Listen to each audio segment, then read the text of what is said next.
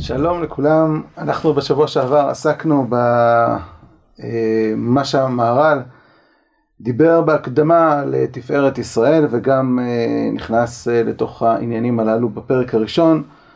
וזה עניין שאומרת הגמרא שלא בירכו בתורה תחילה, שעבדה הארץ על שלא בירכו בתורה תחילה והמהר"ל הסביר, היינו בפרשנות השלישית שכשלא מברכים על הלימוד, בעצם זה נובע מחוסר הערכה למה שקיבלנו. שאדם לא שמח ולא מכיר בטובה של מה שהוא קיבל, וממילא הוא גם לא מתחבר אל הנותן שנותן את אותה תורה, וכשלא מחוברים אל הנותן, אין, לתורה הזאת קיום, ואין גם סייעתא דשמיא למי שטועה, או למי שחוטא, אה, סייעתא דשמיא בסופו של דבר לתקן ולשוב, וזה מה שהוביל בסוף לחורבן. העניין הזה שאדם לומד, לומד תורה בלי להתחבר אל הנותן, בלי להיות מחובר באהבה, בחשק, ביראה, אה, מתרחב מאוד ברמח"ל בספר אה, דרך השם, אולי אפשר להגיד אפילו מתפרט בחלק ד', וככה הוא כותב, אך התנאים הצריכים להתלוות לתלמוד, הנה הם היראה בתלמוד עצמו, והתיקון, ותיקון המעשה בכל עת. כלומר, בזמן הלימוד אנחנו צריכים לבנות את היראה, תכף הוא יפרט את זה, ובזמן ה...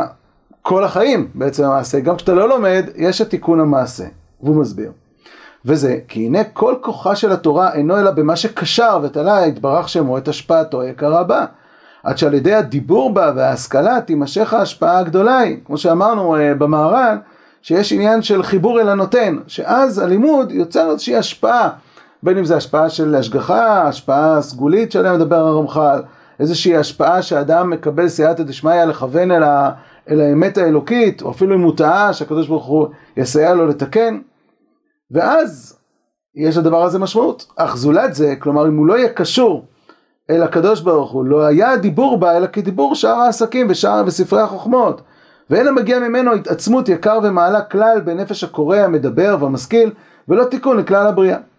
אמנם ההשפעה הזאת, הנה עניינה האלוהי, ולא עוד אלא שהוא היותר עליון והנשגב שבעניינים הנמשכים המגיעים ממנו יתברך אל הנבואים, וכיוון שכן ודאי שיש לו לאדם לירוא ולרעוד בעסקו בעניין זה. אם אדם מבין שבעצם הוא נוגע והוא פוגש והוא לומד את תורת האלוהים, שהיא המקור הבסיסי לכל ההשפעות הרוחניות, לכל המזון הרוחני שיש בעולם. אז אומר הרמח"ל, ברור שאדם צריך להיות בתוך מקום שהוא יודע איפה הוא עומד ובמה הוא נוגע. אם אדם באמת מכיר את מה שהוא קיבל ומה הוא עוסק, הוא צריך לראות ולרוד בעסקו בעניין זה. שנמצא שהוא ניגש לפני אלוהיו, הוא מתעסק בהמשכת האור הגדול ממנו, ויבוש משפלותו האנושי, והנה יגל מאוד מחלקו הטוב שזכה לזה. כלומר, התודעה הזאת של מה ערכה של התורה, זה, התודעה הזאת היא מה שבונה את היראה, את ההכרה שאתה עומד לפני המלך וגם את השמחה מאוד במה שאתה עוסק. ולכן לא יושב בקלות ראש כשהוא לומד, לא ינהג שום מנהג ביזיון, ולא לא בדבריה ולא בספריה, וידע לפני מי הוא עומד ומתעסק. הוא אומר, חוץ מזה, יש לנו תנאי שני, שזה תיקון המעשה. מה זה תיקון המעשה? שהאדם הזה יהיה הגון ומוכן להמשכה הזאת. שהוא יהיה ראוי, וכי אחרת אם הוא לא ראוי, אז מה, הוא מרחיק את עצמו מבוראו בכל מיני חטאים, איך הוא מצפה להידבק אה, בבוראו ב, על ידי לימוד התורה. אומר המח"ל, אם התנאים האלו יחסרו ממנו, לא תימשך ההערה על ידו, ולא יהיו דבריו אלא כשאר כל הדיבורים האנושיים, ואדרבה, לאשמה תחשב לו, שקרב אל הקודש בלא מורא, הוא מקל ראשו לפני ברו, עודו מדבר לפניו ומתעסק בקדושתו ידבח. אז אומר הרמח"ל, שלא רק שאם אדם לא, לא, אם אדם לומד תורה בלי התחברות אל הנותן, כמו שאומר המהר"ל, בלי הכרה שבמה הוא עוסק, בלי אה, שזה מתבטא גם במעשים שלו, גם בשעה שהוא לומד וגם לפני ואחרי, אז אם אין את הדבר הזה, אז אפילו לאשמה תחשב לו, מה, מה, אתה, מה, אתה, מה אתה מתעסק ב, בדבר כזה קדוש וטהור אה, בטומאתך. והדברים הללו של, רבי, של המהר"ל ושל הרמח"ל פותחים לנו פתח לדיון לנושא שהוא מאוד רלוונטי וחשוב היום, וזו זו, המציאות הזאת שאנחנו מכירים שיש היום הרבה אנשים שלומדים תורה, אה, אם בתקופת בן גוריון זה היה התנ"ך, אז בתקופות שלנו יש הרבה אנשים שהם לא שומרי תורה ומצוות ואין להם שום מחויבות הלכתית ויכול להיות שהם אפילו מבחינתם הם טוענים שהם כופרים, לא מאמינים באלוקות ולא מאמינים שהתורה היא אלוקית, אבל לא משנה, יש פה איזושהי מסורת והם יושבים ולומדים את התורה הזאת, אז אם פעם זה היה תנ"ך, היום זה יכול להיות גם גמרות, וזה יכול להיות מדרשי חז"ל, וזה יכול להיות אפילו הספרות ההלכתית. הכל, לומדים הכל. אפשר להגיד שאפשר לחלק את זה לשלוש קבוצות. קבוצה אחת זאת הקבוצה הרפורמית, או קבוצה חילונית, אה, ליברלית מאוד וכולי, שלומדת את זה כחלק מאיזשהו מין רב תרבותיות, כן? אה, אין שום מחויבות. אבל כמו שלומדים עוד הרבה ספרות אחרת וכן הלאה, לומדים גם את מה שהיהודים אה, אומרים, אז הוא יגיע, הם יגיעו לבית כנסת שלך כדי לפגוש גם בית כנסת, חוץ מזה שהם אה, הולכים גם למקומות אחרים אה, במקביל, זאת אומרת, מבחינתם זה איזה מין רב תרבותיות כזאת, זה לא משהו שהוא מחייב וכולי. יש קבוצה שנייה שלומדת את, את זה, אני אקרא לזה העולם המסורתי יותר, כחלק מתפיסה דתית, שהיא אומנם לא מחייבת, הוא לא יקום מחר בבוקר וישמור שבת, אבל הוא אה, שמח לשמוע שיעור תורה שמדבר על שמירת השבת. זאת אומרת, יש לו את ה... את ה אולי את יראת שמיים, אבל אין לו את, ה, את המחויבות למעשה. ויש קבוצה שלישית, אה, שהיא הקבוצה, נקרא לה החילונית במובן הזה, הם לא מסורתיים, יכול להיות שאפילו הם כופרים באלוקי ישראל או באלוקות של התורה, אבל רואים בחיבור למסורת של, ישראל משהו לאומי, משהו של מסורת לאומית, שלכן אני חשוב שאני אלמד את התנ"ך ואני אלמד אפילו את הספרות חז"ל וכן הלאה, לא בגלל שאני מאמין בזה, אלא בגלל שזה מסורת אבותיי, וזה חלק מהזהות הלאומית שלי.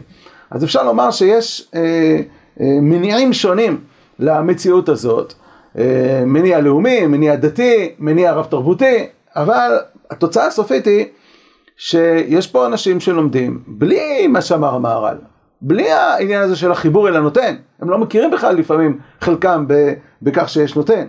והדבר הזה יוצר הרבה תוצאות, למשל השוואות של אה, דברי חז"ל אה, לפרשנות התורה, ל, ל, אני יודע מה, לפרשנות נוצרית או לפרשנויות חוץ יהודיות או תוך יהודיות, פתאום לוקחים איזה טקסט ממדרש חז"ל לוקחים את אחד העם ועכשיו עושים ככה איזשהו אה, שיעור וכדומה, גם זה יכול להיות קיים, זה יכול להיות גם שאין הכרה בקדושת המקרא ולכן מעמתים את התורה עם כל מיני מובאות מכל מיני uh, תרבויות אחרות, בלי צורך להסביר או לפרש, אין, אין שום מחויבות לקדושה של המקרא או למקור האלוהי שלה, או ודאי שאין מחויבות הלכתית, uh, יש הצהרה מופגנת שמטרת הלימוד, בחלקם, הצהרה מופגנת שהמטרה היא להוציא או להפקיע את המונופול של הפרשנות מהעולם הדתי או מהעולם של המסורת היהודית, שכל אחד יכול לפרש איך שהוא רוצה לפרש.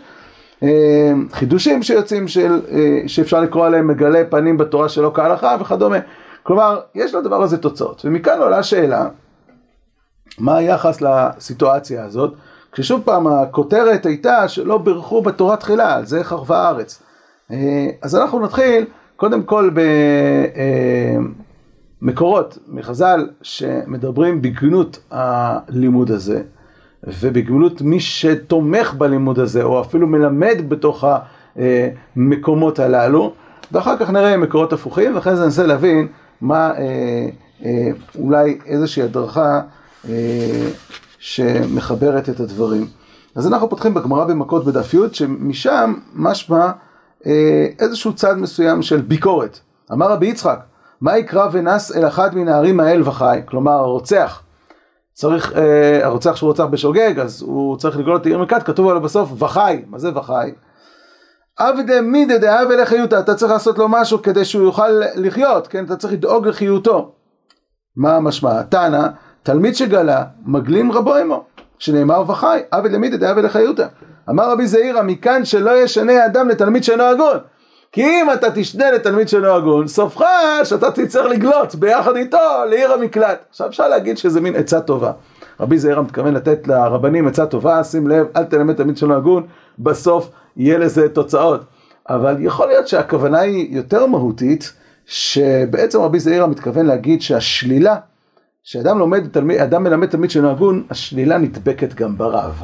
זאת אומרת, זה לא סתם שעושים לו חיותה, אלא כנראה שגם הרב צריך גלות. אה, ולמה הוא צריך גלות? כי הוא לימד תלמיד שאינו הגון והדבר הזה נדבק בו. מה זה תלמיד שאינו הגון? אז יש כאלה שמפרשים, בהמשך אולי קצת נראה זוויות שונות, אבל יש כאלה שלוקחים את זה לאדם שהוא חוטא במעשים, לא, לא מקיים את כלל המצוות, ויש כאלה שמפרשים תמיד שאינו הגון, זה אדם שיש לו בעיות אמוניות, השקפתיות, הוא אדם שהוא כופר, הוא רוצה לשבת וללמוד איתך, אבל הוא לא מאמין, כפי שראינו לפני כן. או אדם שיש לו בעיות במידות, המידות שלו מקולקלות, זה אדם גאוותן, זה אדם רודף אה, ממון, זה אדם שרודף נשים, זה אדם ש... אה, וכולי, אה, כעסן גדול וכולי וכולי, ואז התלמיד של הגון הוא לומד תורה, אבל יש לו מידות מקולקלות, וכפי שנראה בהמשך, יכול להיות שיהיה איזה בעיה. אז בכל מקרה, בין לכאן, בין לכאן, בין לכאן, יש פה איזושהי אמירה אל תלמד, אבל לא כתוב פה אסור. אולי אפילו זה מין עצה טובה, אבל בגמרא בחולין זה כבר אמירות הרבה יותר חריפות. ושוב פעם זה אותו רב יהודה אמריו שאמר לנו על מה עבדה הארץ, על אה, שלא בירכו בתורה תחילה. אומרת הגמרא בחולין, אמר רב יהודה אמריו כל השונה לתלמיד שאינו הגון נופל בגיהנום, שנאמר כל חושך טמון לצפוניו, תאכלהו אש מובח, ירא שריד בהעולו, ואין שריד אלא תלמיד חכם שנאמר ושרידים אשר השם קורא. אז המשפט הראשון פה, מי שמלמד תלמיד שאינו הגון נופל בגיהנום. רבי זרע אמר רב, כל השונה תלמיד שאינו הגון כזורק אבן למרקוליס, עבודה זרה. יש מרקוליס, זה עבודה שמה שעובדים אותה זה שזורקים אבנים, ואז יש אספה גדולה מאוד גדולה של אבנים, זה מראה כמה אנשים עובדו את, את אותה עבודה זרה, והוא זורק אבן למרקוליס, והוא עובד עבודה זרה, שנאמר קצור אבן ומרגמה כן נותן לכסיל כבוד, הכתיב לו נווה לכסיל תענוג. בעצם שני הפסוקים הללו מלמדים על שני צדדים בנזק. יש פה נזק שהולך לקרות.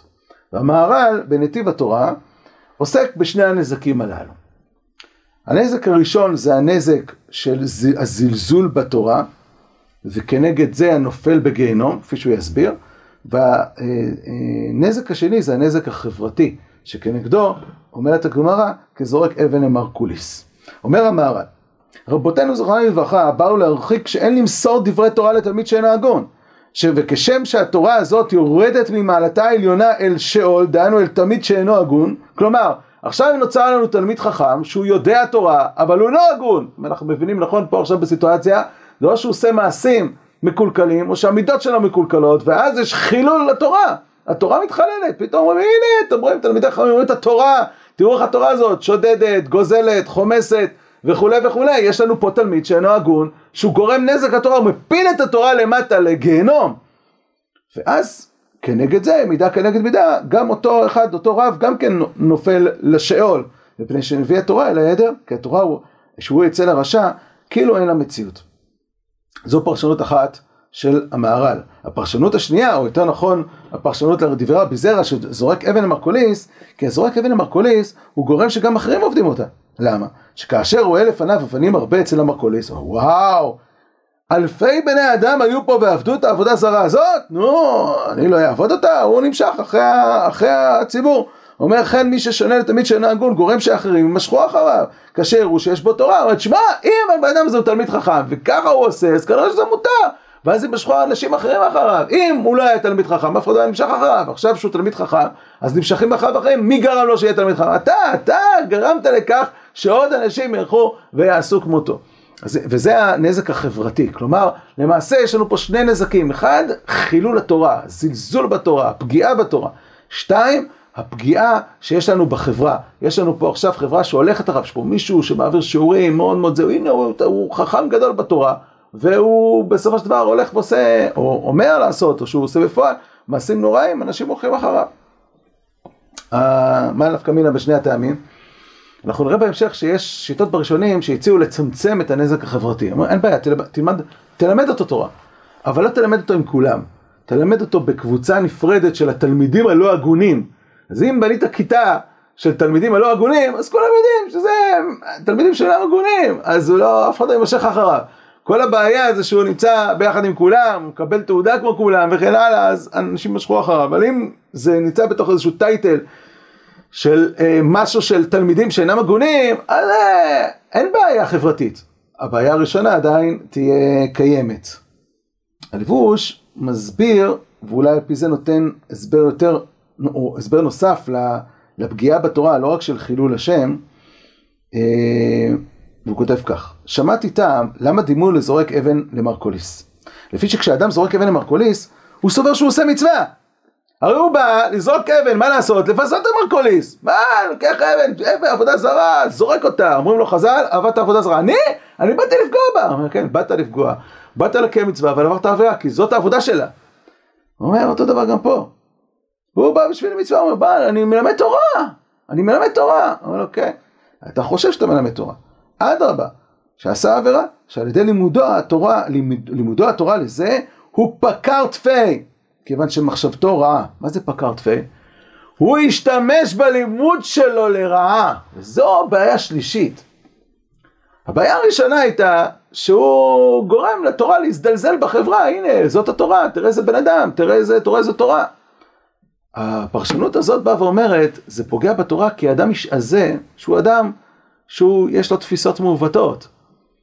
יש לו תפיסות מעוותות. כשהוא בא ואתה מלמד אותו תורה, בסופו של דבר הוא ישתמש בכל התורה שהוא למד, רק כדי לחזק את התפיסות המעוותות שלו, כדי לפגוע בתורה, כדי להיאבק בה. מה יצא בסוף? יצא בסוף שאתה פגעת בתורה. אז יש לנו פה שלוש נקודות. כלומר, יש לנו פה אמירה של חז"ל על מסכת חולין, ויש לנו שלוש נקודות של טעמים. למה לא ללמד תלמיד שאינו הגון? אחד, בגלל שזה יוצר זלזול בתורה, אולי בתלמידים שאינם הגונים בתחום המידותי יותר. שתיים, יש חשש שיטעו אנשים אחרים אחריהם, וזה אה, גר, אה, יכול לגרום לעוד אנשים לטעות. ושלוש, כיוון שהוא ישתמש בחוכמתו כדי לנגח את התורה עצמה, וזה אה, קשור אולי דווקא לאנשים היותר אה, כופרים, שרוצים, אה, יש להם עניין לפגוע בתורה. עד כאן המקורות לאסור. אבל יש לנו כמה מקורות שלכאורה משמע מהם שמותר. אז קודם כל, יש לנו אבות דרבי נתן. על, על המשנה במסכת אבות שאומרת והעמידו תלמידים הרבה, אז באבות דרבי נתן יש כבר פרשנות מורחבת. קודם כל באבות דרבי נתן מובא מחלוקת בין בית שמאי לבית הלל, ושם מובא מה בית הלל עשו. זה לא רק להעמיד תלמידים הרבה, מה זה ההרבה הזה? אז, והעמידו תלמידים הרבה, אומר רבי רבי נתן, בית שמאי אומרים, אל ישנה אדם אלא למישהו חכם וענב ובן אבות ועשיר. בקיצור, זה תלמיד הגון, אנחנו יודעים איזה משפחה הוא מגיע, ואנחנו יודעים שהוא חכם, אנחנו יודעים שיש לו מידות טובות, ענב, בקיצור, שלם. בית הלל אומרים, לכל אדם משנה, שהרבה פושעים היו בהם בישראל ונתקרבו לתלמוד תורה ויצאו מהם צדיקים וחסדים וכשרים. אז אנחנו מכניסים את כולם.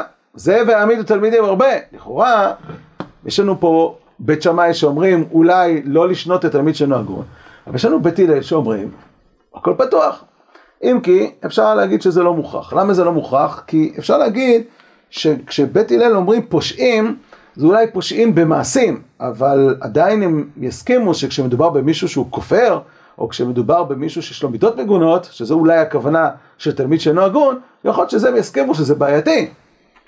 אה, יותר מזה, לא ברור פה שמדובר פה בפושעים שנשארים פושעים, ואז נכנסים לבית המדרש עם הפשיעה שלהם, ותלמד אותי תורה. לא בטוח, יכול להיות שהכוונה פה לאנשים פושעים שחזרו בתשובה, ובגלל העבר שלהם בית שמאי לא מכניסים אותם, בית הלל אומרים אנחנו מכניסים גם מי שהעבר שלו היה כזה, אבל לא שהוא עכשיו כזה, לא ברור מהעבוד דרבי נתן שבאמת שיטת בית הלל היא שאפשר ללמד, ללמד תלמיד שעכשיו אינו הגון.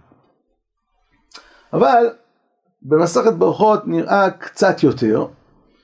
המשנה, הגמרא מספרת באותו יום שסילקו את אה, רבן גמליאל מן הנשיאות ושמו את אה, רבי אלעזר, בן עזריה, אומרת הגמרא, אותו היום סילקו לשומר הפתח וניתנה להם רשות התלמידים להיכנס.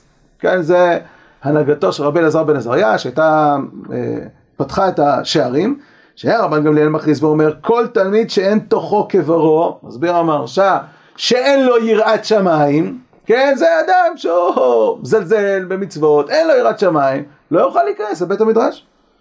והוא יומא, התווספו כמה ספסלים. כמה ספסלים, יש אומרים 400 ספסלים, יש אומרים 700 ספסלים.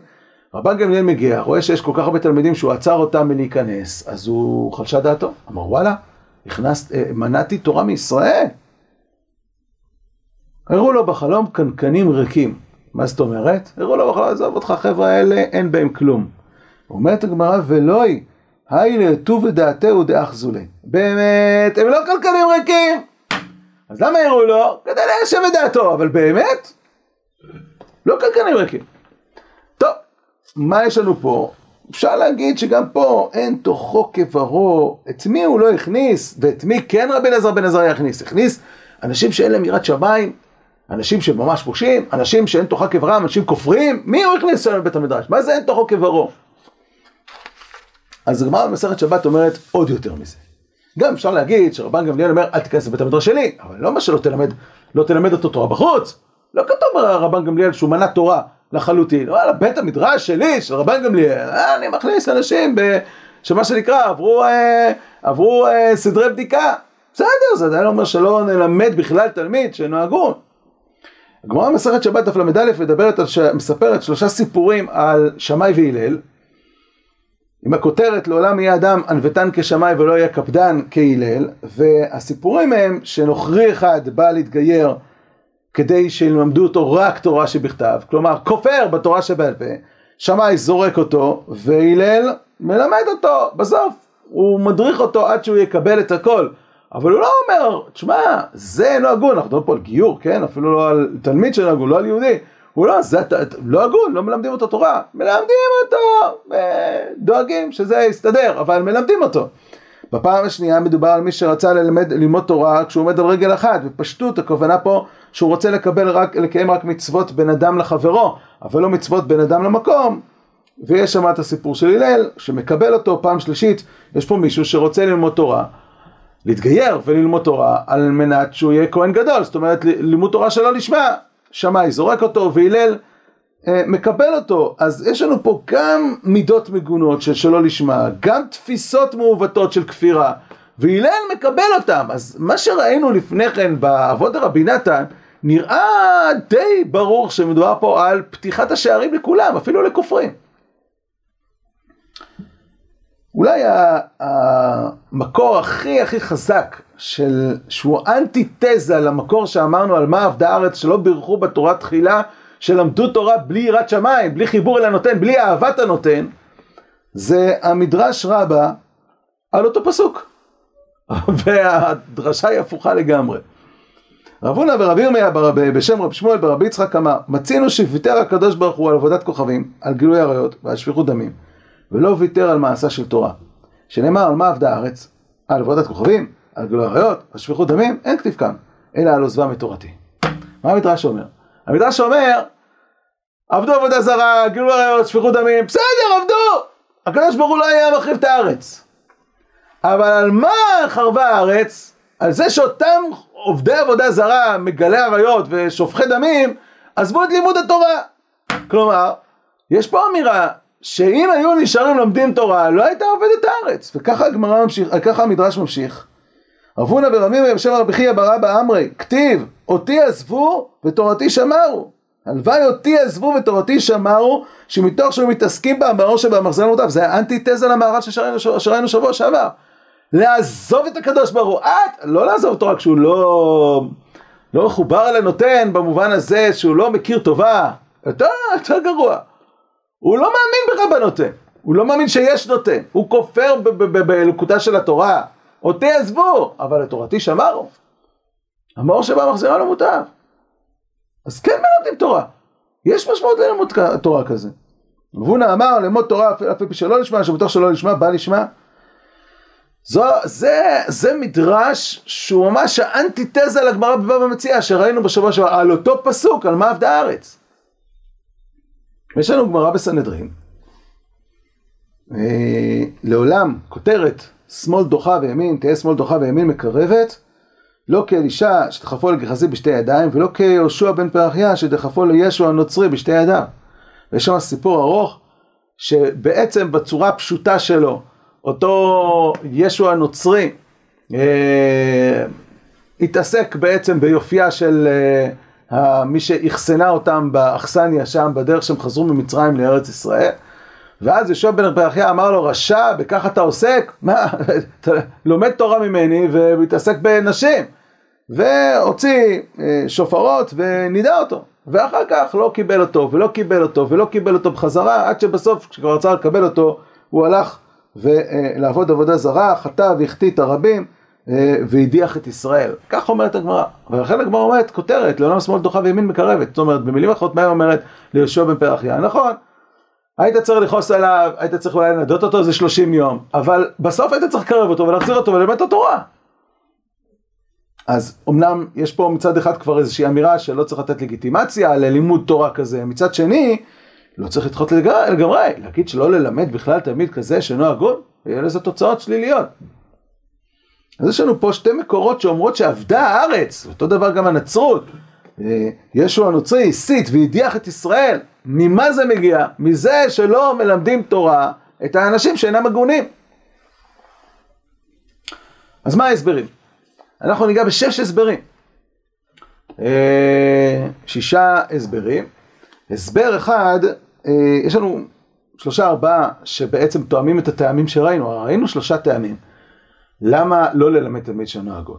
אז ממילא צריך לראות איך הדברים הללו מתחברים. לפני כן נראה הסבר אחד, שהוא הסבר שקשה קצת לקבל אותו. זה ההסבר אה, של, אה, שמופיע בלקט אה, יושר, שזה תלמיד של תרומת הדשן.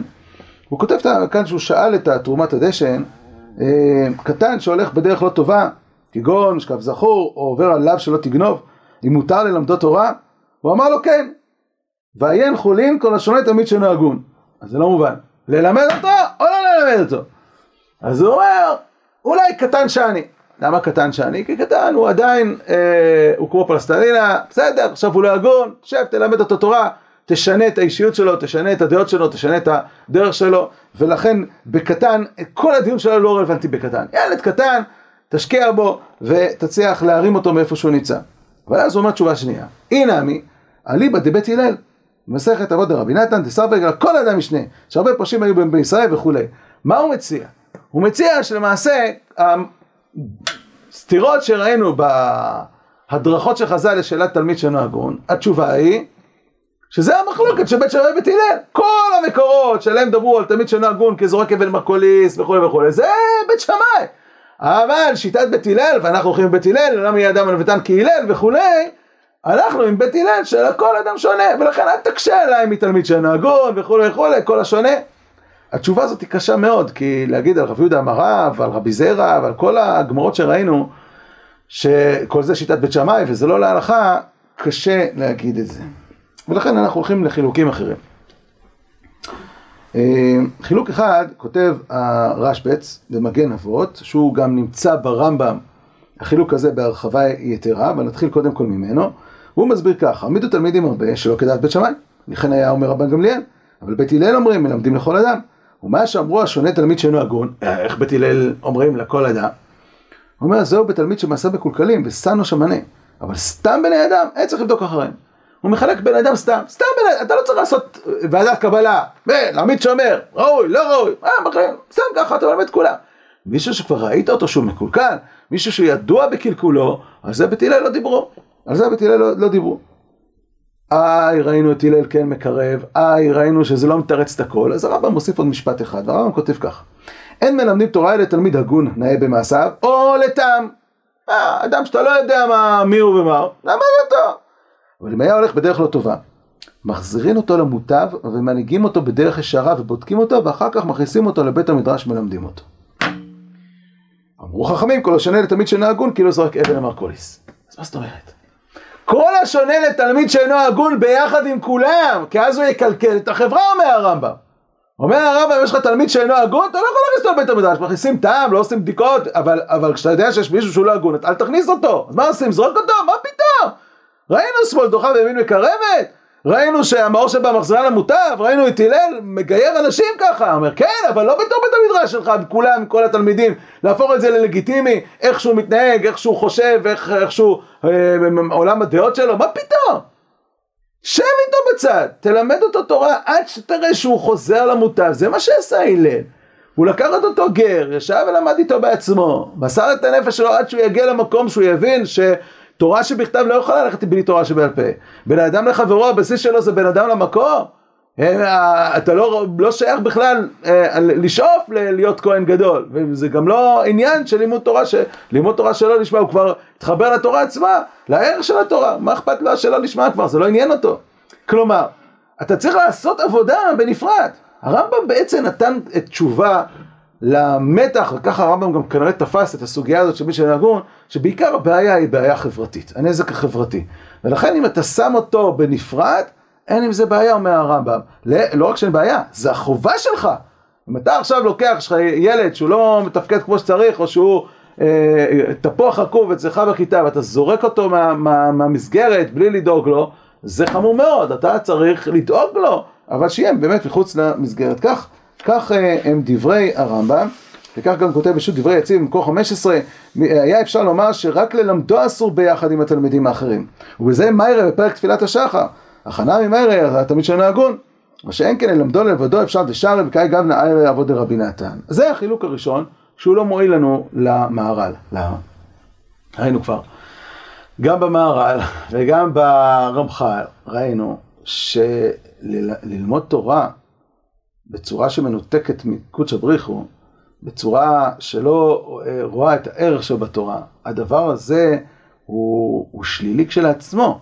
מה עם הצד של הזלזול בתורה? מה עם הצד של הפגיעה בתורה? מה עם החשש שזה יבוא אפילו לפגוע בתורה, יבוא לקנטר? מה עם החששות הללו?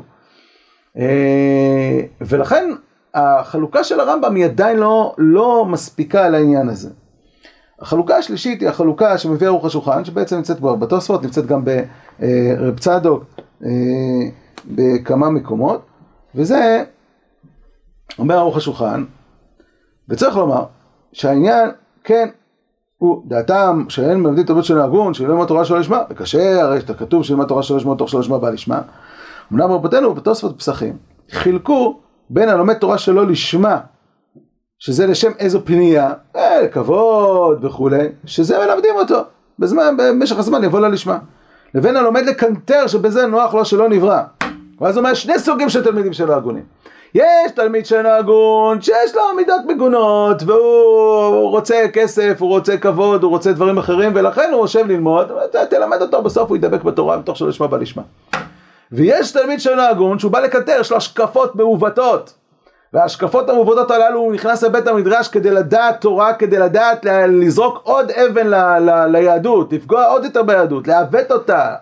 תלמיד כזה, מה אתה מלמד אותו? אתה רוצה לפטם אה, אה, עוד יותר נזק או מאבק בתורה, בעם ישראל, ביהדות? אל תלמד אותו תורה, זה רק יזיק לתורה. זו החלוקה של רוח השולחן.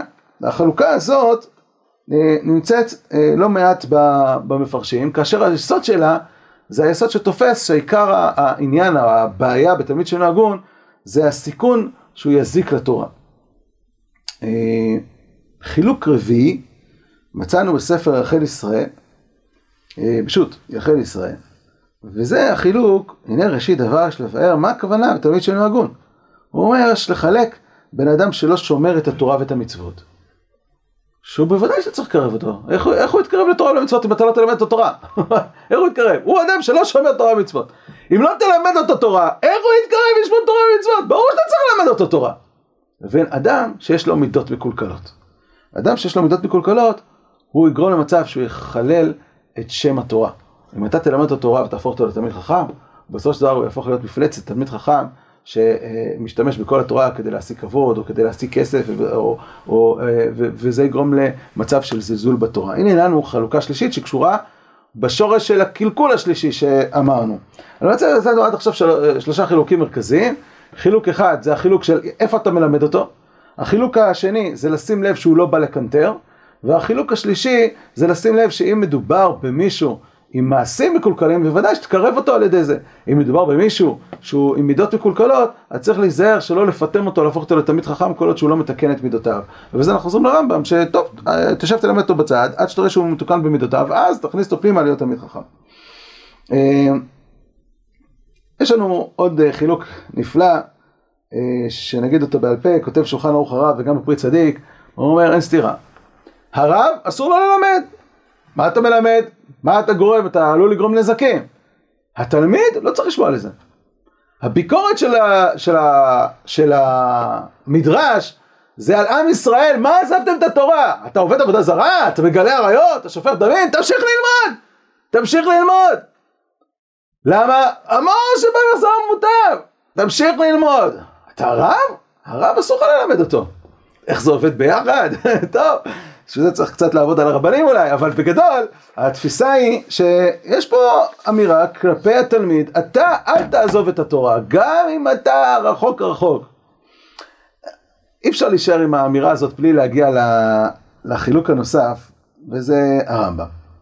הרמב"ם, כשהוא שואל את השאלה של לעולם ילמד אדם תורה מצוות שלא ישמע, מתוך שלא ישמע בא לשמע, מצד שני כתוב שמי שלומד תורה שלא ישמע טוב לו שנתהפכה שלתו על פניו, אז הרמב"ם עונה לא קשה נעדדה, שמתרבה יושמינן שאין ראוי לעסוק אלא לשמה, ולשמה הוא העיקר, ולא נצטווינו אלא לעסוק בה לשמה, ועוסק שלא לשמה, ראוי לו שלא נברא, ואף על פי כן טוב הוא שיעסוק בה שלא לשמה, משאם לא יעסוק בה כל עיקר.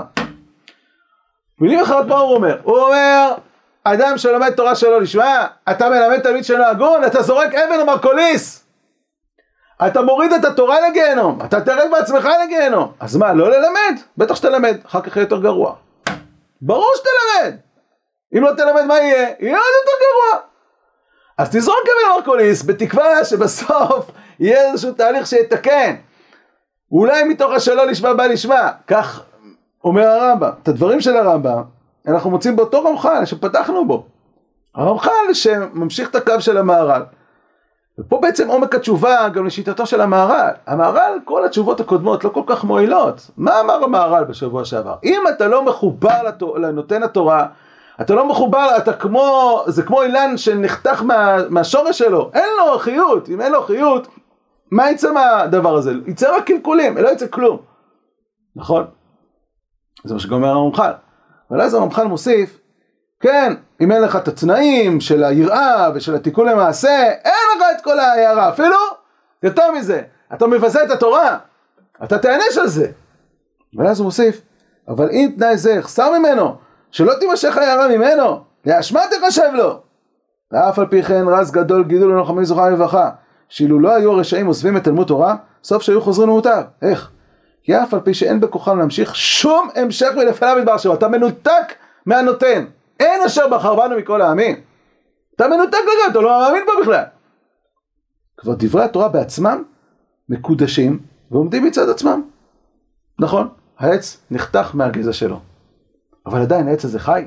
מה זה חי? הוא נחתך, אבל יש בו חיות עצמית, יש בו עדיין לחות, יש בו עדיין פירות שעדיין מלבלבים, יש עדיין פה איזה שהם עלים, שהם שיריים, יש פה אפילו פרי שיש בו זרע שאפשר לזרוע אותו באדמה ולהצמיח עץ חדש. העץ הזה מנותק כרגע, אבל יש בו בעצמו חיות, יש בתורה עצמה איזשהו חיות של תורה, יש פה חוכמה, הוא עוסק בחוכמה, הוא מבחינתו זה רק חוכמה, זה רק היסטוריה, זה רק לא יודע מה, תרבות, יכול להיות, אבל כשהוא עוסק בה, במה הוא נוגע? נוגע במשהו שהוא חוכמת השם בסוף. יכול להיות שזה ידבק בו, יכול להיות שפתאום זה יאיר את הנשמה שלו, אומר הרמח"ל, כבר דברי תורה בעצמם מקודשים ועומדים מצד עצמם, עד שבהתמיד העוסק בהם יגיע מהם פעם אחר פעם קצת התעוררות. כמו דמות הערה קטנה שבקטנות, אלא העוסק בהם. שסוף סוף תגבר עליו ותחזירהו למוטב. וזה מה שהוא חז"ל, הלוואי אותי עוזבו, תורתי שמרו, שמרו שבא מחזר מוטב, בתנאי אחד, שלא מלומדים את התורה בדרך שחוק ועיתול, או לגלות פנים שלא כהלכה, או, לה, או לקנטר, אלא לומדים את זה כשאר החוכמות, זה תנאי, כי אם אתה בא לקנטר אז בכלל אין, אתה בא עכשיו לחתוך את העץ לחלקים, אתה לא בא לה... אבל אתה בא, אתה בא אליו ככה ללמוד את החוכמה של התורה, אני בא כל החוכמות, לומד מתמטיקה, לומד זה, לומד תרבות. אמר שבא מחזרה למוטף. הדבר הזה, אה, הדבר הזה הוא דבר אה, נפלא, כי הוא משלים את הקו שראינו בשבוע שעבר.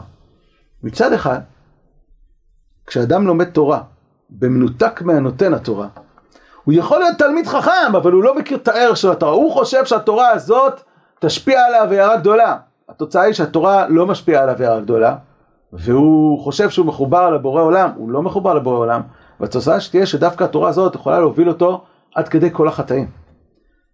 מצד שני, יכול להיות שיושב איזשהו תלמיד שאינו הגון, יכול להיות איזה כופר, והוא עכשיו יושב ועסק בתורה כחוכמה.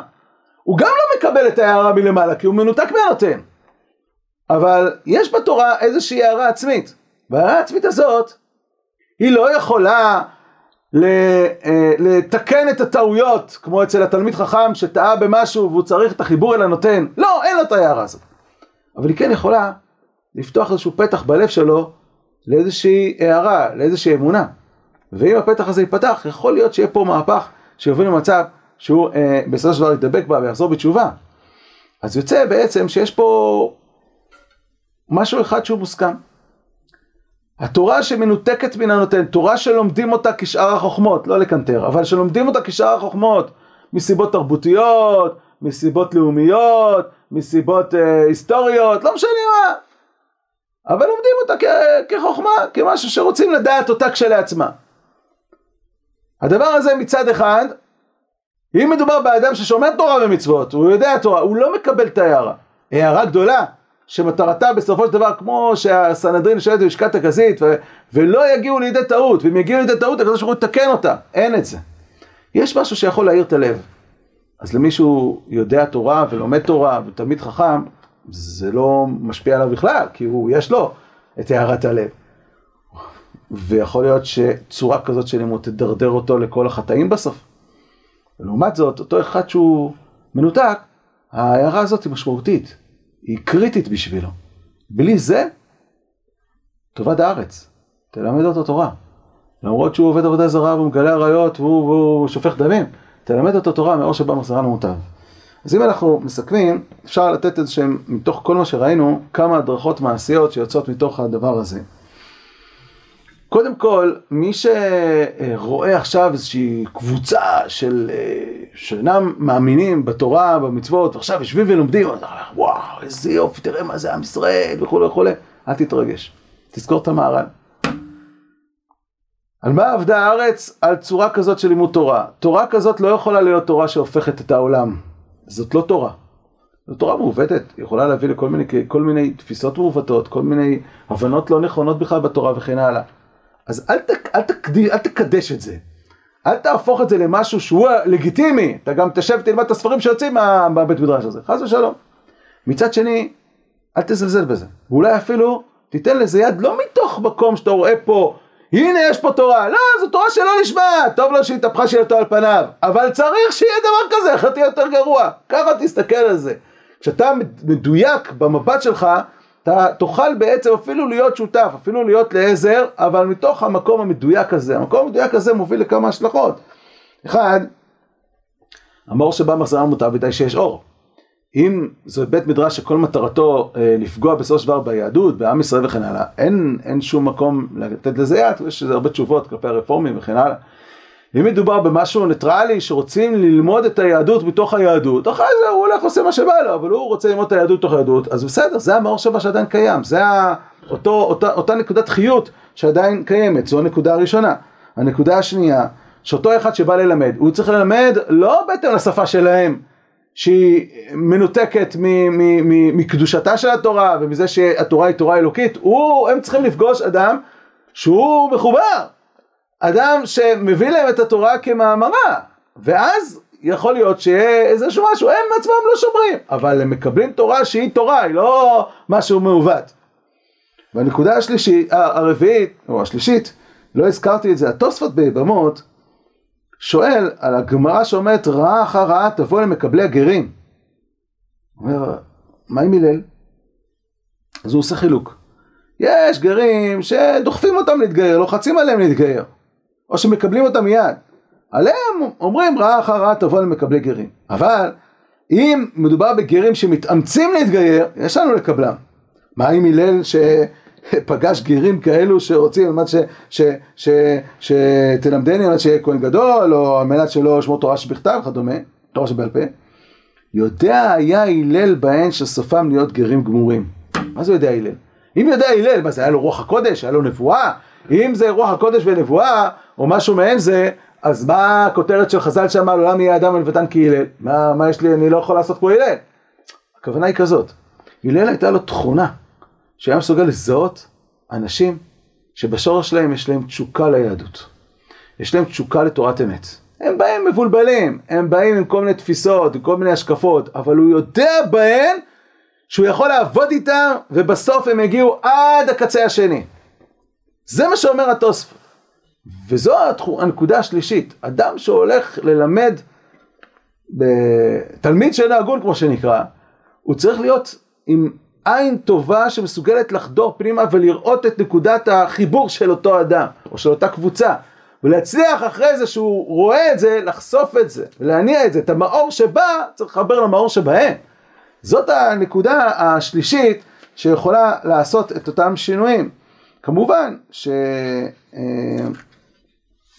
אה, אה, לחלק בין פסיקת הלכה, ששם ודאי שצריך מחויבות הלכתית, לבין דרשות, אמונה, השקפה, מוסר, כל מיני דברים מהסוג הזה, ובסוף להיות אנשים שנותנים תורה גדולה. כי אם אתה בא ואתה מלמד תורה קטנה, תורה מצומצמת, תורה שרק אה, תביא לזלזול, ולא להכרת החוכמה שבה, ואולי לאלוקות שבה אפילו, אז עדיף שלא תיכנס לזה. אבל אם אתה מסוגל באמת להראות את האלוקות שיש בתורה, להראות תורה גדולה, אז אתה מסוגל ללמד תלמיד שאינו הגון. אז אם אנחנו מסכמים את השיעור הזה, השיעור הזה הוא שיעור השלמה למה שראינו בשבוע שעבר. נכון, יש חשיבות עצומה שהמהר"ל פותח בזה את הספר של תפארת ישראל, ללמוד תורה מתוך חיבור לנותן, בוודאי מי שהוא בתוך התורה ובתוך, אה, הוא, הוא שומע תורה ומצוות, זאת, זאת צריכה להיות צורת הלימוד שלו אם הוא רוצה שהתורה הזאת תהיה תורה עוצמתית שמשפיעה עליו, מאירה אותו, מאירה את העולם. אה, הוא זוכה בה חידושים נכונים, הוא לא בא לידי טעות וכן הלאה. לעומת זאת, זה לא בא לזלזל אה, או למחוק אה, לימוד תורה שהוא לא כזה, לימוד תורה לתלמיד שאינו הגון, ובתנאי שאנחנו עומדים בתנאים, אנחנו מכירים שהלימוד תורה שלא לשמה, לימוד תורה לתלמיד שאינו הגון, הוא, הוא חמור מאוד, הוא נוראי, הוא באמת מנותק מהנותן, זורק אבן למרקוליס, הוא יורד לגיהנם, נכון, אבל אין מה לעשות, צריך את זה, וצריך לדעת להשתמש בזה נכון, כדי שבסוף המאור שבא יחזירם אה, למוטב. אנחנו עוצרים כאן, בעזרת השם נמשיך בשבוע הבא בתפארת ישראל.